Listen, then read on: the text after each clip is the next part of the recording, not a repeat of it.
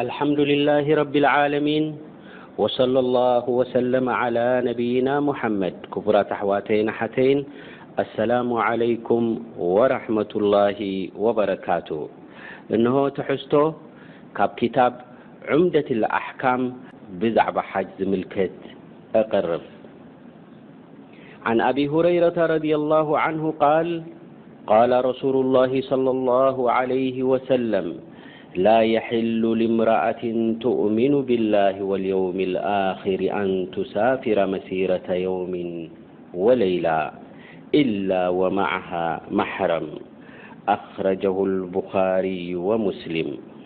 ወፊ ለፍዚን ልልቡኻሪ ላ ቱሳፊሩ መሲረተ የውሚን ኢላ መዓ ዚ ማሕረም እዚ ሓዲስ እዚ ኣቡ ሁረይራ ረዲየላሁ ዓንሁ ከምቲ ኣብ መእተዊ ቅድሚ ሕጂ ዝገለጽናዮ ካብቶም ብሉጻትን ዓበይትን ሰሓባ ዝነበሩ ዘመሓላለፍዎ ሓዲስ እዩ ትሕዝቶ ናይዚ ርእስቲ እዚ ድማ ሕክሙ ሰፈሪ ልመርኣ ቢዱኒ ማሕረም ጓል ኣንስተይቲ ብዘይ ማሕረም ክትገይሽ እንታይ ዓይነት ውሳኔ ኣለዎ ብ እስልምና ዝገልጽ እዩ ላ የሒሉ ክብሉ ከለዉ ነቢ ዓለይሂ ሰላቱ ወሰላም ላ የሒሉ ሊምራኣቲን ቱእሚኑ ቢላሂ ወልየውሚል ኣኽር ላ የሒሉ ማለት ላ የጁዝ ማለት እዩ ኣይፍቀድን እዩ ሊምራኣቲን ኣይ ሊኡንሳ ሚን በኒ ኣደም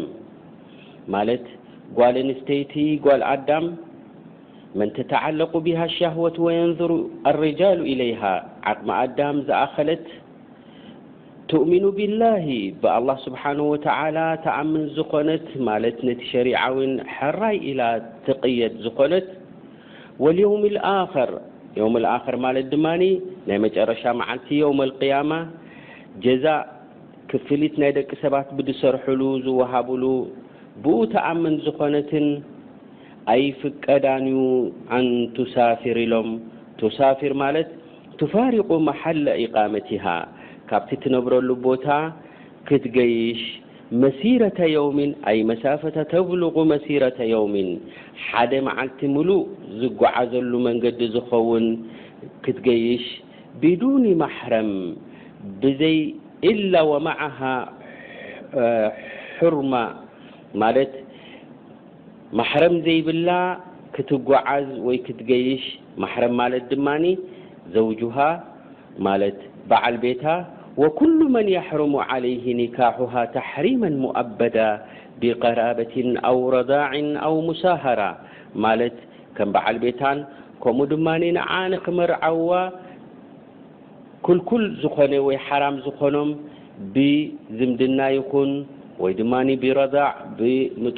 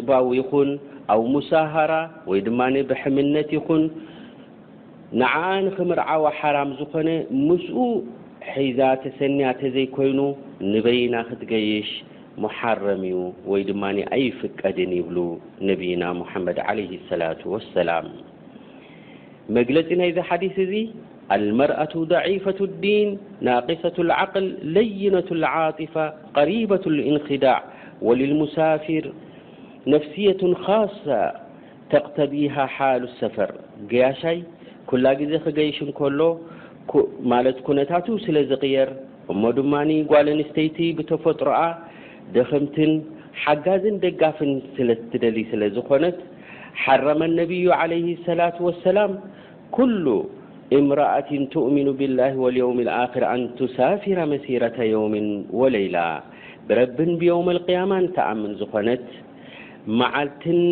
ለይትን ትጓዓዘሉ መንገዲ ክትገይሽ ብዘይ ማሕረም ከልኪለሞ። ፈዋኢዱ ልሓዲስ፣ ታሕሪሙ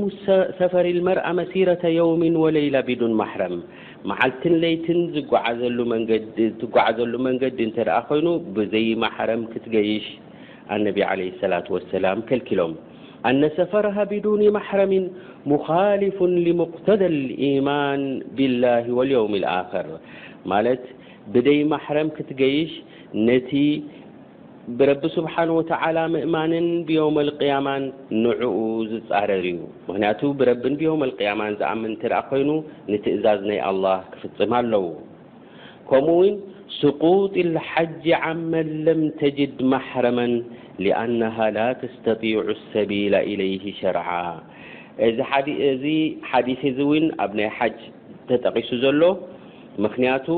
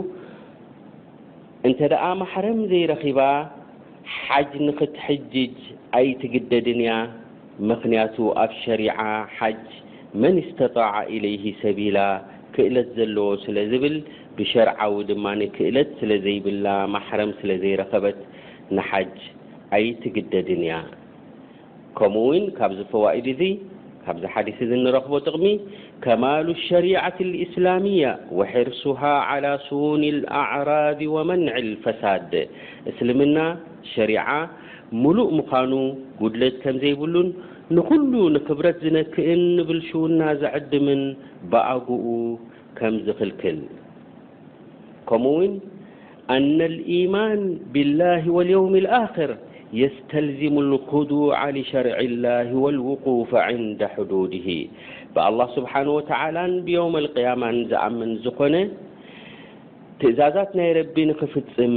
ከም ዝግደድ ውን ይበርሃልና። ተንቢሃት፣ ሸኽ እብኒ ዑሰይሚን ራሕመቱላህ ዓለይህ ነዚ ሓዲስ እዚ ክገልጹ እንከለዉ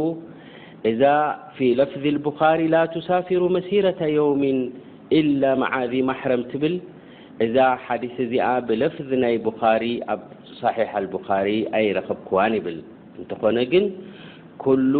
ማለት ንሓደ መዓልትን ለይትን ከምኡውን ሓደ መዓልትን ዝኣክል እንተ ትጓዓዝ እንተ ኮይና ምስ ማሕረም ክትጓዓዝ ከም ዘለዋ ይበርሃልና ወሰለ ላሁ ወሰለመ ዓላ ነብይና ሙሓመድ።